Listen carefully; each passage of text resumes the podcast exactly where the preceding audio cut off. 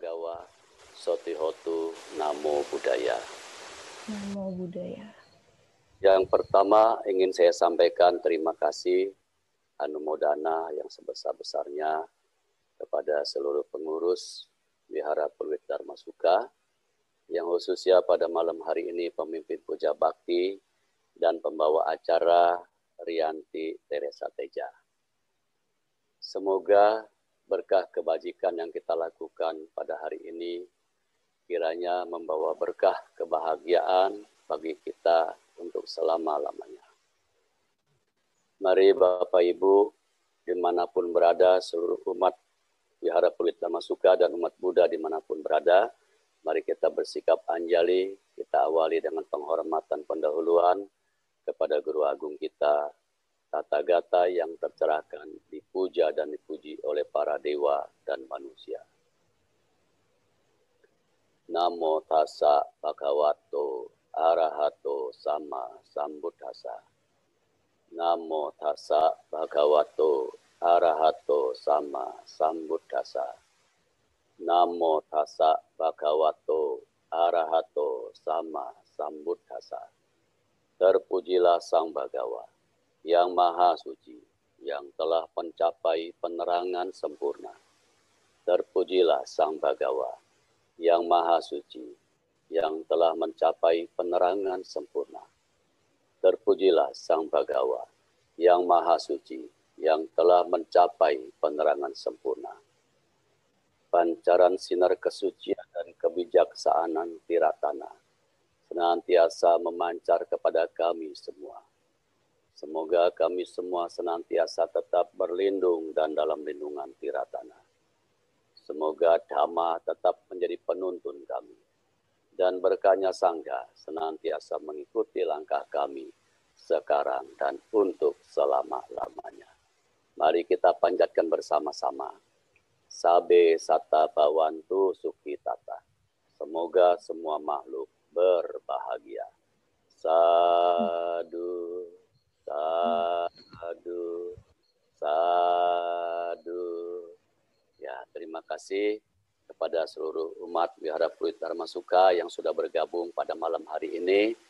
Ini merupakan satu kebanggaan dan kebahagiaan kita semua umat Buddha yang sampai dengan hari ini walaupun kita masih belum bisa bertatap muka secara langsung tetapi puja bakti Wihara Purwit Dharma Suka tidak pernah berhenti dan begitu pun dengan para Dharma Duta atau penceramahnya yang selalu siap sedia dan ada yang difasilitasi oleh Wihara Purwit Dharma Suka. Terima kasih kepada Pak Sarwan yang selalu nggak ada henti-hentinya berupaya dengan keras menghubungi para penceramah. Maka Wihara Perwit Dharma Suka sampai dengan hari ini, walaupun masih belum dibuka secara umum, tetapi eksis di mana pun berada. Nah, saya sampaikan sekali lagi, apresiasi, terima kasih yang besar-besarnya kepada seluruh pengurus Wihara Perwit Dharma Suka. Yang dengan perjuangannya gigih dan tanpa henti kemudian dengan semangat yang kuat sampai dengan hari ini selalu menghadirkan yang baik-baik untuk umatnya. Begitupun kepada seluruh umat Buddha di mana pun berada, terkhusus kepada umat Buddha Wihara Dharma Suka, sampai dengan saat ini yang selalu aktif mengikuti berbagai kegiatan-kegiatan, khususnya Wihara Dharma Suka ini. Ya, walaupun di masa pandemi COVID-19 yang masih belum berakhir sampai sekarang ini, kita masih tetap eksis melakukan perbuatan-perbuatan baik dan tidak pernah berhenti. Begitupun yang saya lakukan pada hari ini, ini melalui Zoom, saya berada di rumah saya yang di Serpong, dan latar belakang di saya ini adalah altar khusus di rumah saya ini. Nah, begitupun saya yakin kepada Bapak Ibu, khususnya wihara umat wihara Peluit Dharmasuka di mana pun berada, yang pastinya tidak pernah berhenti untuk menimbun dan melakukan perbuatan-perbuatan baik. Ya.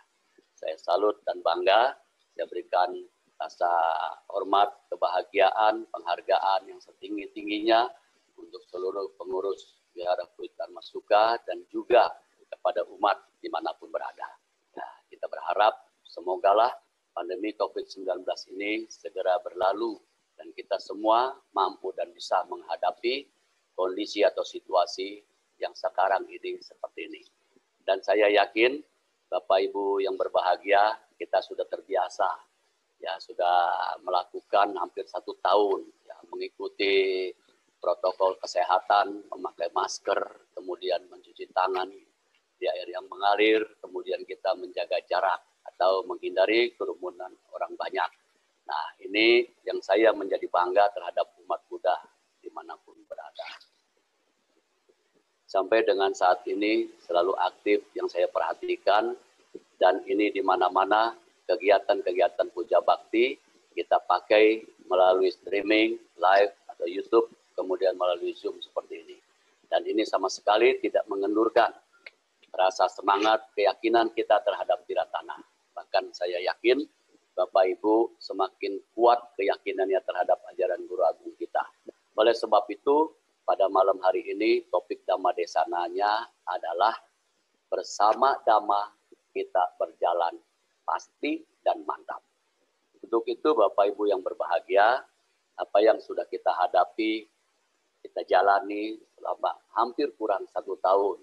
Ya, nah ini Desember hampir satu tahun. Ya, banyak orang bilang corona ini atau COVID-19 di bulan Desember ini berulang tahun yang satu tahun. Tapi kita bahagia dan bangga bahwa kita seluruh umat Buddha sampai dengan sekarang ini tetap dalam kondisi terkendali, sehat semuanya, tidak kurang satu apa pun. Itu saya percaya dan yakin pada Bapak Ibu seluruh umat Buddha di mana pun berada. Oleh karena itu, kita sebagai umat Buddha yang sudah memahami Dhamma dalam kehidupan ini, inilah saatnya kita berupaya dengan keras, berjuang dengan sungguh-sungguh untuk kita dapat mempraktekkan ajaran Guru Agung kita yang begitu mulia dari awal, pertengahan, dan hingga akhirnya. Nah, begitupun saya percaya dan yakin sekali bahwa kita sudah mempraktekkan dhamma dengan penuh keyakinan kita. Kemudian kita konsentrasi dan fokus. Oleh karena itu juga Bapak Ibu kalau kita mau perhatikan COVID-19 ini walaupun belum berakhir sampai sekarang tidak melulu atau selalu ada di sisi yang negatif. Tetapi kalau menurut saya ini pasti ada sisi positifnya juga. Nah, yang pertama dan utamanya kita diajarkan untuk tetap disiplin menjaga kesehatan kita.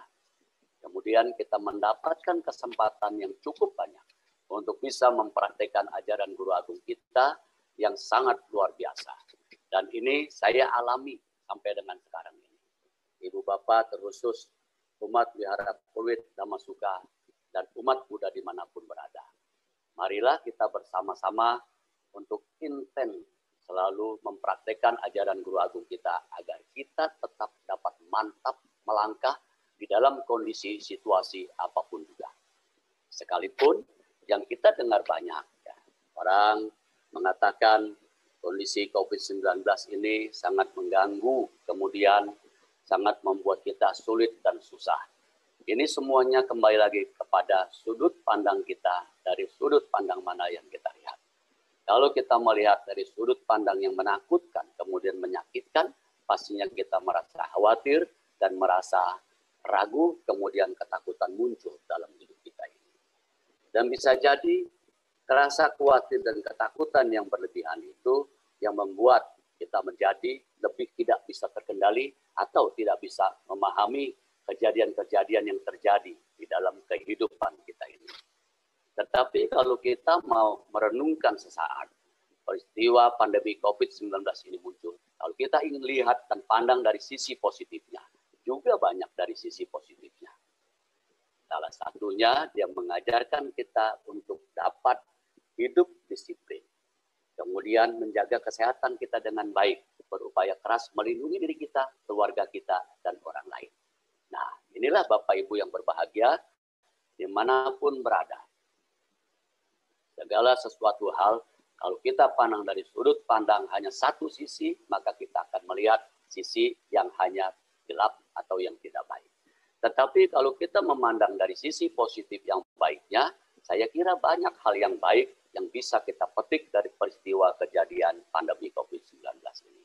Nah, begitupun kalau Bapak Ibu seluruh umat Buddha Wihara Pluit Dharma Suka selalu mendengar para penceramah, Dharma Duta atau yang lainnya menyampaikan, topiknya nggak lain daripada COVID-19 ini. Ya, saya kira membuat kita juga menjadi bosan. Nah, oleh karena itu, saya berupaya malam hari ini memberikan yang lain untuk Bapak dan Ibu. Dengan topik, dengan dhamma kita dapat melangkah dengan pasti dan yakin di dalam situasi kondisi apa pun juga. Ibu, Bapak yang berbahagia, sebagai siswa Sang Buddha, kalau kita mencermati baik-baik ajaran Guru Agung kita, ya kemudian kita ingat kembali yang disampaikan oleh Guru Agung kita terhadap kita semuanya, umat Buddha di mana pun berada. Bahwa di dalam kehidupan ini kita akan mengalami berbagai macam situasi, kondisi, dan kendala. Baik yang kita senangi atau yang kita tidak sukai. Nah, sebagaimana mungkin Bapak Ibu pernah mendengar ceramah yang disampaikan atau dhamma desana yang disampaikan oleh Yang Mulia Bante Panyawaro. Yang dikatakan sekalipun kesulitan yang kita hadapi, percaya dan yakinlah kalau kita bisa dan terkendali di dalam kondisi itu, semua kesulitan itu pasti akan berlalu. Dan dia tidak bisa bertahan lama dalam kehidupan. Begitupun kebalikannya. Kalau kita mengalami kondisi kebahagiaan, sebahagia apa pun juga, itu pun tidak bertahan lama. Dan dia akan berlalu. Nah, balik lagi kembali kalau kita mencermati apa yang disampaikan oleh Yang Mulia Bante Panyawaro, inilah saatnya untuk kita mampu dan bisa menghadapi situasi kondisi sesulit apa pun juga. Nah, apa yang harus kita kendalikan, Ibu Bapak yang berbahagia? Pertama dan utama yang harus kita kendalikan bukan si COVID-19-nya, bukan orang lain, tetapi Bapak Ibu yang harus kita kendalikan adalah diri kita sendiri. Bagaimana kita bisa mengendalikan diri kita menghadapi situasi kondisi yang seperti ini. Lalu ibu bapak memperhatikan banyak orang rasa khawatir dan takut. Nah, justru kekhawatiran yang berlebihan itu membuat keadaannya semakin menjadi rumit dan ruwet. Di sinilah saatnya kita memperhatikan dhamma dengan sungguh-sungguh, dengan konsentrasi kita, dengan keyakinan kita terhadap tiratana apa yang diajarkan oleh guru agung kita benar-benar sangat luar biasa. Begitupun ibu bapak yang berbahagia, banyak yang juga keliru mengartikan seperti ini disampaikan. Katanya, pandemi COVID-19 ini kita tidak usah takuti. Betul. Ada juga yang berpandangan seperti itu. Kalau bukan karma kita, kita tidak akan terkena oleh pandemi COVID-19 ini atau hal apa pun juga. Itu betul. Tetapi kita menyikapi hal ini harus bijaksana. Kita mengerti, kita tahu bahwa situasi atau kondisi pandemi COVID-19 masih ada sampai dengan saat ini. Nah, di sinilah kita harus menggunakan kebijaksanaan kita.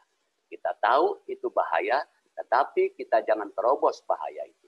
Bagaimana kita jangan terobos bahayanya? Mari kita bersama-sama membantu atau menjaga diri kita sendiri kemudian di dalam keluarga kita dan lingkungan kita. Saya percaya dan yakin kalau kita lakukan hal ini, kita akan terbebas dari penyakit yang menakutkan itu. Nah, di sinilah kita harus tetap terkendali. Kalau kita merasa khawatir yang berkelebihan, rasa panik yang berkelebihan, kemudian ketakutan yang berkelebihan. Justru ini yang membuat Bapak Ibu semakin tidak bisa melakukan kegiatan atau aktivitas apa pun sekalipun pandemi COVID-19 ini menghambat atau membuat kita tidak bisa bergerak leluasa. Nah, di sini saya sampaikan tadi, kita harus menggunakan kita punya kebijaksanaan, kemudian kita harus melakukan setiap kegiatan aktivitas kita dengan benar-benar memperhatikan atau kita menggunakan protokol kesehatan. Kita jaga dengan baik situasi ini dengan sesungguh-sungguhnya kemudian kita berupaya agar kita siapa pun bisa terbebas dari pandemi COVID-19 ini. Nah, ternyata kita menjaga dengan baik seluruh kesehatan kita. Dari saat itu, kita katakan kita terkena terjangkit pandemi COVID-19 ini.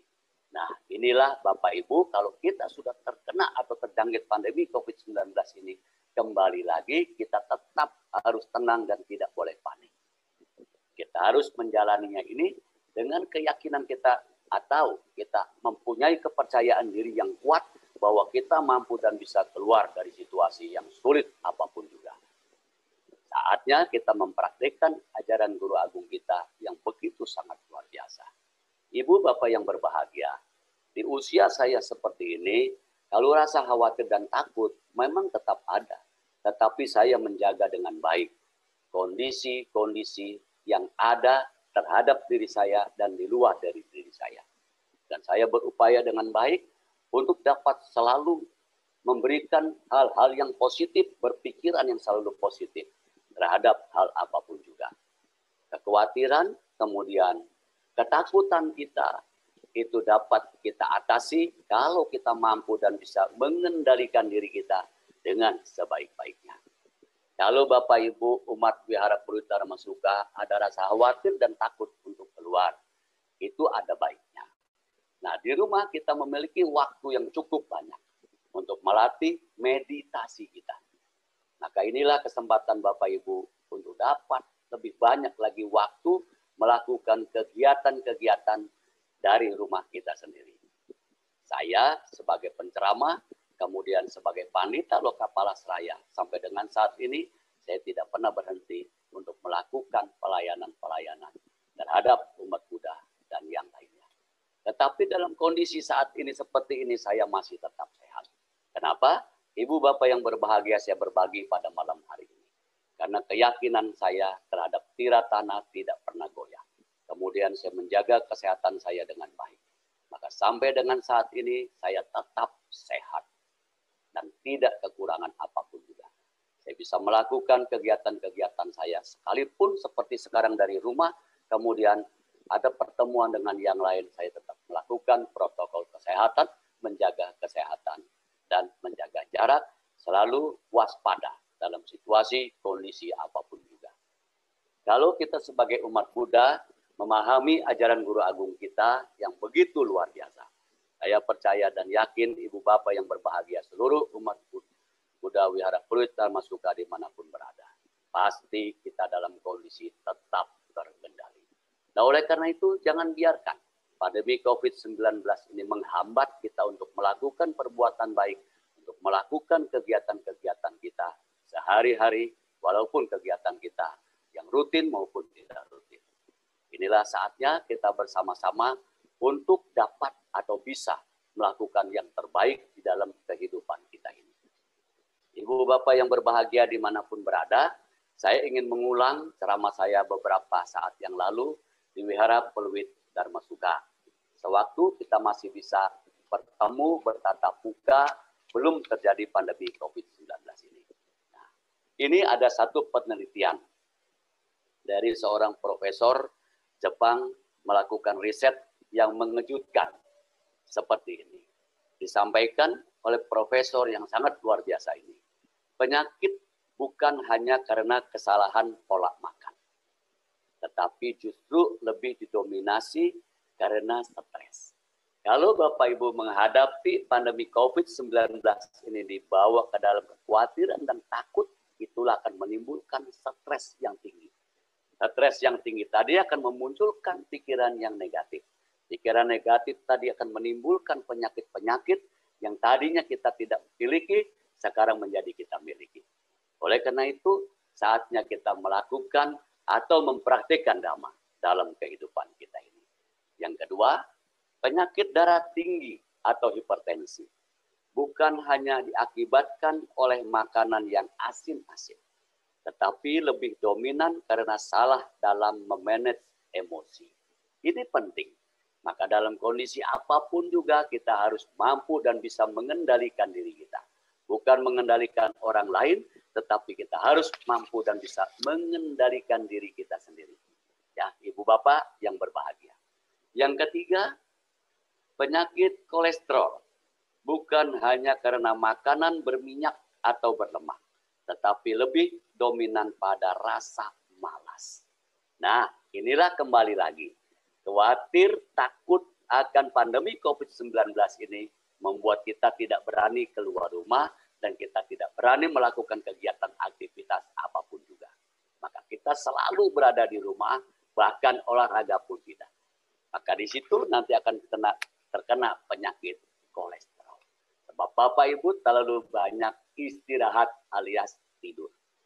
Yang keempat, penyakit asma. Bukan hanya karena terganggu suplai oksigen ke paru-paru, tetapi lebih sering merasa sedih yang membuat paru-paru tidak stabil. Tuh, ternyata penyakit paru-paru pun bukan karena terjangkit dari COVID-19 saja Bapak Ibu. Tetapi karena Bapak Ibu ya kurang selalu merasa khawatir, takut, dan timbul sedih setiap saat. Maka akan mengganggu pernapasan Bapak dan Ibu. Oleh sebab itu, kita harus bersama-sama mengatasinya dengan penuh keyakinan kita terhadap ajaran guru kita. Yang kelima, diabetes bukan hanya karena mengonsumsi gula terlalu banyak, tetapi lebih pada sikap egois dan keras kepala yang mengganggu fungsi pankreas. Tuh, ini jelas ya Bapak Ibu dan ini bukan kata Romo Sumedo tetapi disampaikan oleh riset profesor yang menemukan penyakit-penyakit ini dan penyebab-penyebabnya. Ya, ternyata diabetes itu bukan hanya karena mengkonsumsi gula terlalu banyak tetapi lebih pada sikap egois dan keras kepala. Nah, kenapa egois dan keras kepala? Karena sering kali disampaikan, diberikan nasihat, kita merasa diri kita yang paling benar. Kita merasa diri kita yang paling hebat. Nah, kemudian timbul egois. Nah, di situlah akan terkena penyakit diabetes atau gula dalam darah. Nah, kemudian penyakit yang keenam. Liver bukan hanya karena kesalahan pola tidur, tetapi lebih pada sifat ngerasani orang lain yang justru merusak hati kita. Ngerti? Ngerasani orang lain Nah, kalau Bapak Ibu kurang ngerti, nanti boleh tanyakan kepada Pak Sarwan apa arti ngerasani terhadap orang lain. Ya, kita harus mampu dan bisa mengikuti apa yang disampaikan oleh pemerintah kita tentang protokol kesehatan. Dan mengenai penyakit yang keenam, kita jangan timbulkan rasa iri hati kita. Kita jangan timbulkan rasa kebencian dan dendam kita terhadap siapa pun juga. Itu penyakit yang keenam. Penyakit yang ketujuh. Nah, penyakit yang kedelapan adalah jantung koroner. Jantung koroner ini bukan hanya karena sumbatan pada aliran darah ke jantung, tetapi lebih kurang merasakan ketenangan sehingga detaknya tidak stabil. Ya, Ibu Bapak yang berbahagia, kekhawatiran dan takut tadi membuat jantung kita menjadi bertegup dengan keras dan kencang. Maka di sini akan terganggu kestabilan dari jantung kita. Nah, oleh sebab itu kita diajarkan oleh Sang Buddha Guru Agung kita yang luar biasa.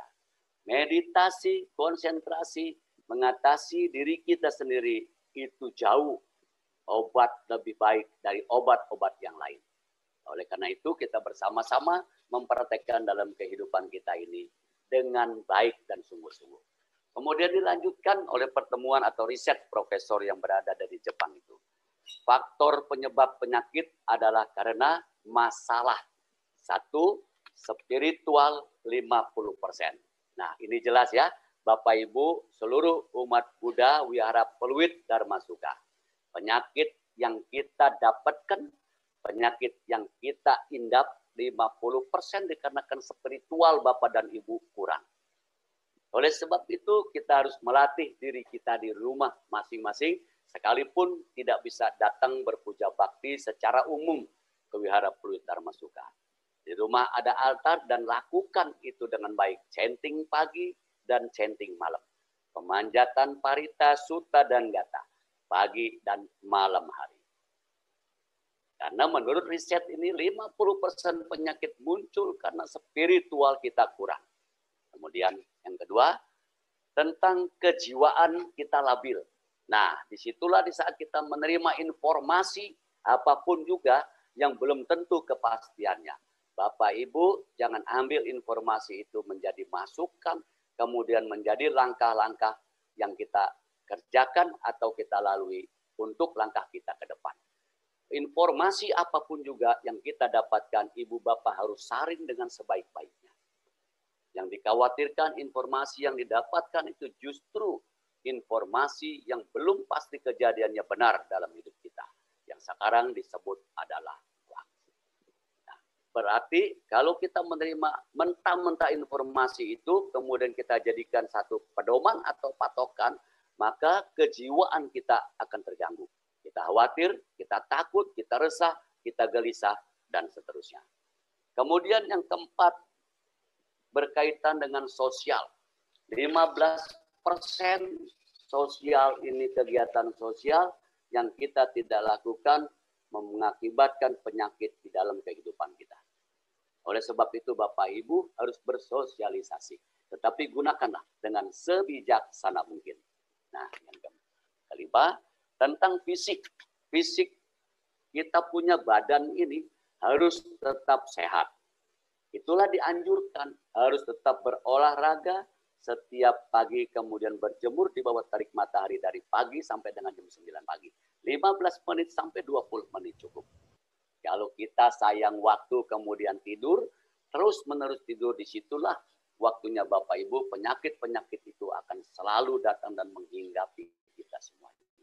Dan ternyata di sini disampaikan oleh dokter profesor yang dari Jepang ini sangat luar biasa. Oleh karena itu saya ingin mengulang apa yang ditemukan oleh profesor ini untuk Bapak Ibu seluruh umat Buddha Wihara Purita Masuka di mana pun berada. Dan selanjutnya jadi kalau kita ingin selalu sehat, perbaiki diri kita. Ibu bapak, kalau kita ingin sehat, perbaiki diri kita. Bukan orang lain. Perbaiki diri kita. Ingat ya, saya ulang perbaiki diri kita. Konsentrasi, fokus, kemudian introspeksi ke dalam diri kita sendiri. Nah, jadi kalau kita ingin selalu sehat, perbaiki diri kita, pikiran kita. Pikiran harus selalu positif Pikiran yang negatif membuat suasana menjadi negatif. Energi kita pun menjadi negatif.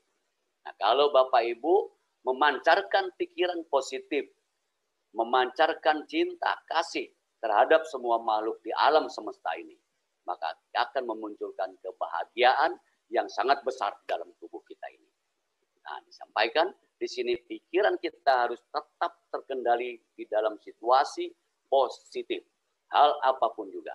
Kalau pikiran kita negatif, maka energi kita menjadi negatif. Di situlah seluruh energi yang negatif tadi membuat kita bisa menjadi sakit dan seterusnya. Jauhi iri dengki, dendam, fitnah, benci, amarah. Yang terpendam, sombong, kemudian kikir, egois, keras kepala, sedih, dan malas. Ini hindari semuanya karena ini adalah racun dalam hidup kita. Saya ulang ya, Bapak Ibu, mari kita jauhi iri dengki. Kemudian dendam, fitnah, benci terhadap siapa pun juga. Amarah yang terpendam. Kemudian sombong, kemudian kita kikir, egois, keras kepala, sedih, dan malas. Perbanyak doa, mudah memaafkan, lembut hati, tulus dan ikhlas. Maka saatnya kita mempraktekkan dhamma dalam hidup kita yang saya sampaikan kepada Bapak Ibu. Pertama, pancarkan meta kepada seluruh alam semesta tanpa batas. Pancarkan cinta, kasih, dan sayang. Ketika kita memandang melihat sesuatu yang kita tidak sukai, sesegera mungkin Bapak Ibu alihkan perhatian tidak suka itu munculkan kebahagiaan apa yang kita lihat tadi segera dialih, yang tidak baik itu kita alihkan menuju hal-hal yang baik. Oleh karena itu kita penting memancarkan cinta kasih kita, meta kita.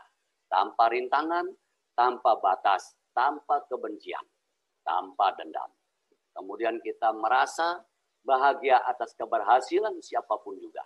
Nah ini membantu menjaga kesehatan di dalam diri kita. Berbahagia atas keberhasilan yang dicapai oleh siapa pun juga. Kemudian kita bersimpati. Simpati terhadap hal apa pun juga di dalam kehidupan kita ini. Kita memandang melihat seseorang yang harus kita bantu. Bantulah sesuai dengan kemampuan kita. Dan ketulusan hati kita serta keyakinan kita. Persembahkan bantuan kita dengan hati yang tulus, maka berbahagialah si pemberi maupun si penerima. Nah, yang keempat, yang terakhir, batin kita harus seimbang. Melihat situasi kondisi apa pun juga. Jangan sampai kita tergoyahkan batin kita ini, kemudian kita bimbang, kita ragu. Kebimbangan dan keraguan tadi yang akan menimbulkan penyakit-penyakit yang muncul dalam kehidupan kita. Maka empat hal yang disampaikan oleh guru agung kita. Meta, karuna, mudita, dan UPK. Ini saatnya kita praktikkan dalam hidup kita ini. Nah, di sinilah Bapak Ibu yang berbahagia, pertemuan pada malam hari ini melalui Zoom ini. Saya sangat berbahagia dan saya apresiasi apa yang sudah dilakukan oleh para pengurus Wihara Peluit Damasuka. Kemudian ibu bapak yang berbahagia di mana pun berada. Ada satu beberapa kata-kata bijak yang ingin saya sampaikan pula dalam kesempatan yang baik ini. Dan saya berharap nanti Pak Sarwan mengundang kembali saya untuk melakukan streaming Zoom melalui kegiatan seperti puja bakti hari Sabtu atau hari Minggu. Kata-kata bijak itu adalah seperti ini. Jika Anda membenci seseorang, maka Anda sudah dikalahkan orang tersebut. Ingat, kalau kita membenci seseorang, siapa pun orang itu, maka sesungguhnya kita sudah dikalahkan oleh orang tersebut. Yang kedua, belajar tanpa berpikir tidak ada gunanya. Kita belajar, belajar, belajar tentang pandemi COVID-19 ini. Terus belajar bahaya-bahayanya. Kemudian kita tidak berpikir sejauh mana bahaya itu. Maka disampaikan tidak ada ketiga, berpikir tanpa belajar itu berbahaya. Berpikir ini pandemi mematikan tanpa kita belajar sampai sejauh mana bahayanya. Itu justru berbahaya. Kemudian, jika Anda melakukan kesalahan dan tidak memperbaikinya, itu disebut kesalahan. Kita berkumpul dengan orang banyak tanpa menggunakan protokol kesehatan, itu disebut kesalahan. Kemudian kita lakukan perkumpul lagi tanpa menggunakan protokol kesehatan, itu disebut kesalahan yang berulang-ulang, maka ketika terjadi atau terjangkit penyakit itu, Jangan salahkan siapa-siapa. Nah, kemudian selanjutnya, hidup itu sangat sederhana. Tetapi kita bersikeras membuatnya menjadi rumit. Benar kan? Ibu Bapak, ayo mari kita sekarang bersama-sama berpikir. Sesungguhnya hidup ini tidak sulit dan tidak rumit. Tetapi kita yang membuat dia menjadi sulit dan rumit. Pertama yang utama yang membuat itu menjadi sulit dan rumit adalah keinginan kita yang tidak terkendali. Keinginan apa pun juga yang tidak bisa kita kendalikan justru akan membuat hidup kita semakin rumit. Kalau ibu bapak di mana pun berada mampu dan bisa menyederhanakan hidup kita ini, maka segala sesuatunya akan sederhana. Kalau kita mampu dan bisa menyesuaikan di mana kebutuhan dan di mana keinginan kita, maka ibu bapak tidak akan hidup dalam berkekurangan. Kalau kita mengerti, memahami ini kebutuhan saya. Keinginan-keinginan yang tidak tercapai akan membuat bapak ibu merasa tidak bahagia. Itulah sebabnya kita harus mampu dan bisa menyesuaikan kebutuhan kita dengan keinginan kita. Kemudian kebanggaan kita yang terbesar adalah tidak pernah gagal tetapi bangkit kembali setiap kali terjatuh. Nah, kita bangga kalau dalam menjalani kehidupan ini kita tidak pernah gagal. Tetapi pertanyaan saya, mungkinkah Bapak Ibu kita tidak pernah gagal dalam menjalani kehidupan kita dalam hal apa pun juga. Baik itu dalam mencari nafkah, baik itu dalam keluarga, dan yang lainnya. Orang-orang yang hebat, orang-orang yang memahami dhamma, Ketika dia gagal, dia mampu untuk bangkit kembali. Sebab dia tahu, dia percaya dan dia yakin. Karena hidup kita ini semuanya berhubungan dengan sebab dan akibat. Maka sebagai umat Buddha, dikala kita mengalami kegagalan dalam situasi kondisi apa pun, kita mampu dan bangkit kembali. Sebab kita tahu ini semuanya sedang menjalani akibat dan perbuatan sebab dan akibat kita. Nah, kemudian yang selanjutnya, kebijaksanaan, belas kasih, dan keberanian adalah tiga kualitas moral manusia yang diakui secara universal. Itulah Bapak Ibu yang berbahagia, marilah kita pergunakan kebijaksanaan kita dengan sebijaksana mungkin. Menghadapi kondisi apa pun juga. Kemudian tumbuhkan belas kasih kita terhadap siapa pun juga. Bahkan terhadap makhluk lain ketika terancam kehidupannya. Kita harus mampu dan bisa membantu agar dia bisa melanjutkan kehidupannya berbelas kasih terhadap siapa pun juga. Dan keberanian, keberanian kita untuk menghadapi apa pun yang ada dalam kehidupan kita. Percaya dan yakin kalau Bapak Ibu berjalan di aturan atau berjalan di ajaran guru agung kita yang disebut dhamma. Saya percaya dan yakin kita akan melangkah dengan mantap. Tanpa keraguan-raguan kita, tanpa kekhawatiran kita. Tetapi kita percaya dan yakin. Apa yang kita lakukan adalah yang terbaik dalam hidup kita. Oleh karena itu Bapak Ibu yang berbahagia, sebagai umat Buddha yang sudah memahami Dhamma dengan sebaik-baiknya. Inilah saatnya yang tepat dalam situasi kondisi pandemi COVID-19 ini tidak ada yang perlu kita khawatirkan. Yang kita khawatirkan adalah diri kita tidak bisa mengatasi diri kita sendiri. Maka setelah kita memahami ajaran Guru Agung kita yang begitu mulia, mari kita melangkah dengan mantap, dengan pasti untuk menghadapi kegiatan, kejadian, peristiwa yang ke depan yang belum tahu kita akan kejadian apa. Sekarang kita lakukan hal yang terbaik untuk mengatasi segala sesuatunya. Sebagai umat Buddha yang memahami Dhamma, Ibu Bapak, berbahagia sekalipun kita bisa tidak bisa bertatap muka. Saya rasa tidak akan mengurangi keyakinan keyakinan kita terhadap tanah. Oleh karena itu, mari kita praktekkan ajaran Guru Agung kita saat ini dengan sebaik-baiknya. Sebagai siswa Sang Buddha, kita beruntung bisa mengenal Dhamma. Sebab kita adalah orang-orang yang mempunyai kualitas batin atau paramita yang cukup sehingga Bapak Ibu dapat mengenal ajaran Guru Agung kita yang sangat luar biasa. Selanjutnya, kepada pembawa acara Rianti, saya persilakan seandainya ada pertanyaan dan saatnya kita mengisi waktu ini untuk tanya jawab. Terima kasih. Terpujilah Sang Bagawa Sotihotu. Namo Buddhaya. Namo Buddhaya. Terima kasih Romo atas Dharma Desananya hari ini. Mungkin sebelumnya dari umat, uh, umat sekalian ada yang mau bertanya langsung kepada Romo.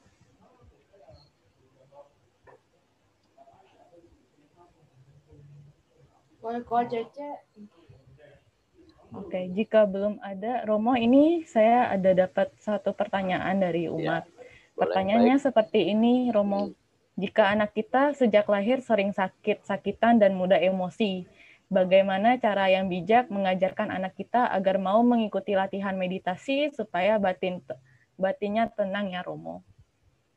Mungkin Baik. Romo. Ya, terima kasih untuk pertanyaan Ibu atau Bapak ya. Nah, ini bagaimanapun Bapak dan Ibu penanya tadi yang kita lakukan ini segala sesuatunya dalam kehidupan kita ini adalah proses. Tidak ada yang instan. Tidak ada yang spontan langsung jadi. Oleh karena itu membutuhkan kesabaran kita. Ketelatenan kita untuk hal apa pun juga. Terlebih terhadap anak-anak kita yang masih kecil. Pemaksaan kehendak akan menimbulkan rasa takut dan kecewa Itulah Bapak Ibu kita tidak boleh memaksakan kehendak kita.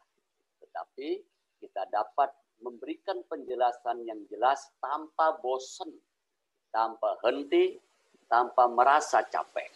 Karena bagaimanapun juga dan siapa pun juga membutuhkan kasih sayang. yang tulus dari hati sanubari terlebih anak-anak Bapak dan Ibu. Maka kita menghadapi anak-anak ini tidak boleh menggunakan kekerasan atau paksaan. Karena semuanya harus melalui perjuangan yang keras, harus melalui proses, bisa jadi panjang, bisa jadi pendek proses itu. Tergantung keteguhan, tergantung ketahanan, kekuatan, dan kesabaran Bapak Ibu untuk mengarahkan, mendidik anak-anak kita atau siapa pun juga menjadi bisa menurut dan bisa mau mengikuti apa yang disampaikan. Nggak bisa spontan, percayalah. Tapi harus pelan-pelan. Nah, ini harus diawali dari orang tuanya sendiri. Di rumah ada altar, ajak anak-anaknya. Mari kita belajar atau latihan meditasi. Nggak apa-apa lima menit. Nggak apa-apa sepuluh menit. Atau begitu duduk lima menit, Bapak dan Ibu anaknya sudah berdiri terlebih dahulu. Nah pesan saya Bapak dan Ibu jangan langsung bangkit. Tetap bertahan untuk meditasi menunjukkan kepada si anak tadi. Tetapi kalau Bapak dan Ibu mengarahkan anaknya untuk meditasi, tetapi Bapak dan Ibu sendiri nggak pernah meditasi, ya nanti anaknya nggak nurut. Kalau anak, kalau Bapak Ibu melatih meditasi, kemudian anak-anaknya nggak betah dan bangkit dari meditasi tadi, biarkan dulu, jangan dimarahi, jangan diomeli, diarahkan secara pelan-pelan. Kalau berlatih meditasi, kita akan mengalami hal seperti ini. Atau kita rajin melatih meditasi kita sesering mungkin, maka kita akan terkendali dan hal apa pun. Ibu bapak percaya. Ya, kalau kita mempunyai kesabaran yang yang lebih, kesabaran kita yang yang cukup sabar, sabar, sabar selalu, pasti saatnya nanti anak itu atau siapa pun juga akan menuruti, mengikuti apa yang disampaikan oleh Bapak dan Ibu yaitu Rianti. Oke, terima kasih Romo atas jawabannya. Siapa tadi penanyanya Rianti? Penanyanya anonim Romo. Nah, ya ya jadi nanti kalau nanti Bapak dan Ibu mau tanya langsung secara pribadi, nanti bisa nomor telepon saya minta sama Pak Sarwan atau Bapak sama Rianti ya kita bisa nanti japri. Orang bilang sekarang japri. Iya, Romo. Oke, ada lagi yang lainnya?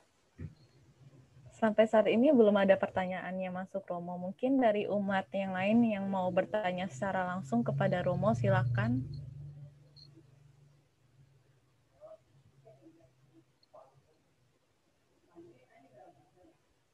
Ayo, sekalipun kita melalui streaming Zoom ini ya, tetap nggak mengurangi. Cuma kalau Bapak Ibu yang di rumah mungkin karena kita setahun nih Pak Sarwan nggak ketemu nih. Kalau Bapak Ibu umat-umat wihara Purita Masuka ngelihat saya ya rambutnya tambah putih ya. Tapi saya tetap ganteng. Itu kelebihannya saya. Nah kenapa? Sebab saya menjaga hati saya kan selalu baik.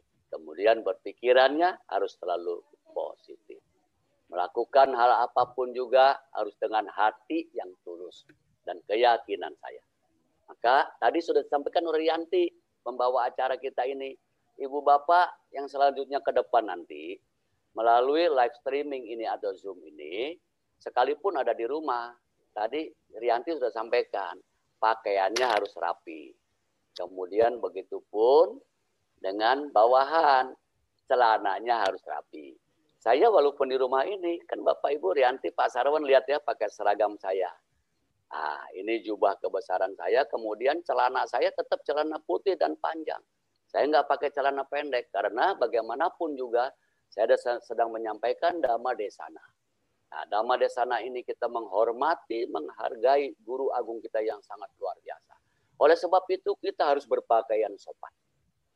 Nah, bahkan kalau bisa Jangan pakai kaos oblong. Celana tetap celana panjang. Kita sopan dan kita percaya yakin di lingkungan kita itu ada hadir para bodhisattva. Ada hadir para dewa-dewa. Dan ketika kita menghormati, menghargai guru agung kita atau menghormati kepada yang patut dihormati. Ibu bapak yang berbahagia, kita akan berbahagia dengan baik.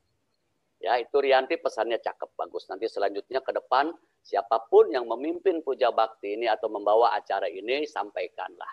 Ibu Bapak diharap untuk berpakaian tetap rapi tetap sopan. Sekalipun kita ada di rumah kita, pakaian kita harus lengkap, pakaian kita harus baik. Sebab kita tadi memanjatkan parita, suta, dan gata. Ya, walaupun di rumah, tetap parita, suta, dan gata itu kita panjatkan, kita sudah sangat menghormati kepada agung. Ya, silakan lanjut yang lainnya.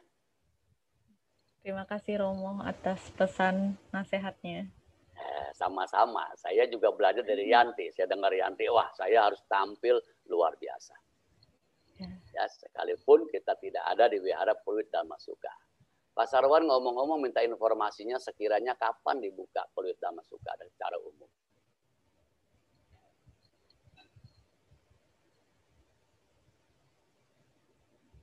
Nggak kedengaran ya Rianti ya?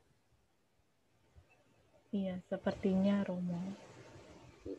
Mungkin nanti dengar akan ada informasi. Enggak dengar oh. Romo. Oh, nanti disampaikan ya berikutnya ya. ya. Iya. Baik. Inilah Bapak Ibu yang berbahagia, seluruh umat Buddha Wihara Pulut Dharma Suka di mana pun berada. Marilah kita melangkah pasti bersama dengan damai. Keyakinan kita terhadap tiratana Kemudian keraguan-raguan kita terhadap hal apa pun juga singkirkan. Kendalikan diri kita dengan baik, kemudian jangan lupa. Selalu melakukan chanting pagi, chanting malam, meditasi jangan pernah tinggalkan. Maka kalau kita sudah melakukan hal ini, saya percaya dan yakin. Pikiran yang positif selalu kita pancarkan dan badan kita akan selalu sehat. Kita dapat mengendalikan diri kita dengan baik dalam kondisi apa pun juga. Tetap memakai masker, kemudian mencuci tangan di air yang mengalir, dan jangan lupa menjaga jarak di saat kita bertemu dengan siapa pun juga. Dengan seperti ini, semoga kita semua senantiasa sehat selalu, terkendali, dan kita senantiasa berlindung kepada tiratana dan dalam lindungan tiratana. Terima kasih, saya kira cukup ya Rianti. Ibu Bapak yang berbahagia di mana pun berada, mari kita bersama-sama bersikap anjali. Semoga kita semua senantiasa tetap memiliki keyakinan kepada Tiratana dan selalu berlindung kepada Tiratana. Saya akan sampaikan parita pemberkahan untuk Bapak Ibu di mana pun berada, agar selalu keyakinan kita terhadap Guru Agung kita tidak akan goyah.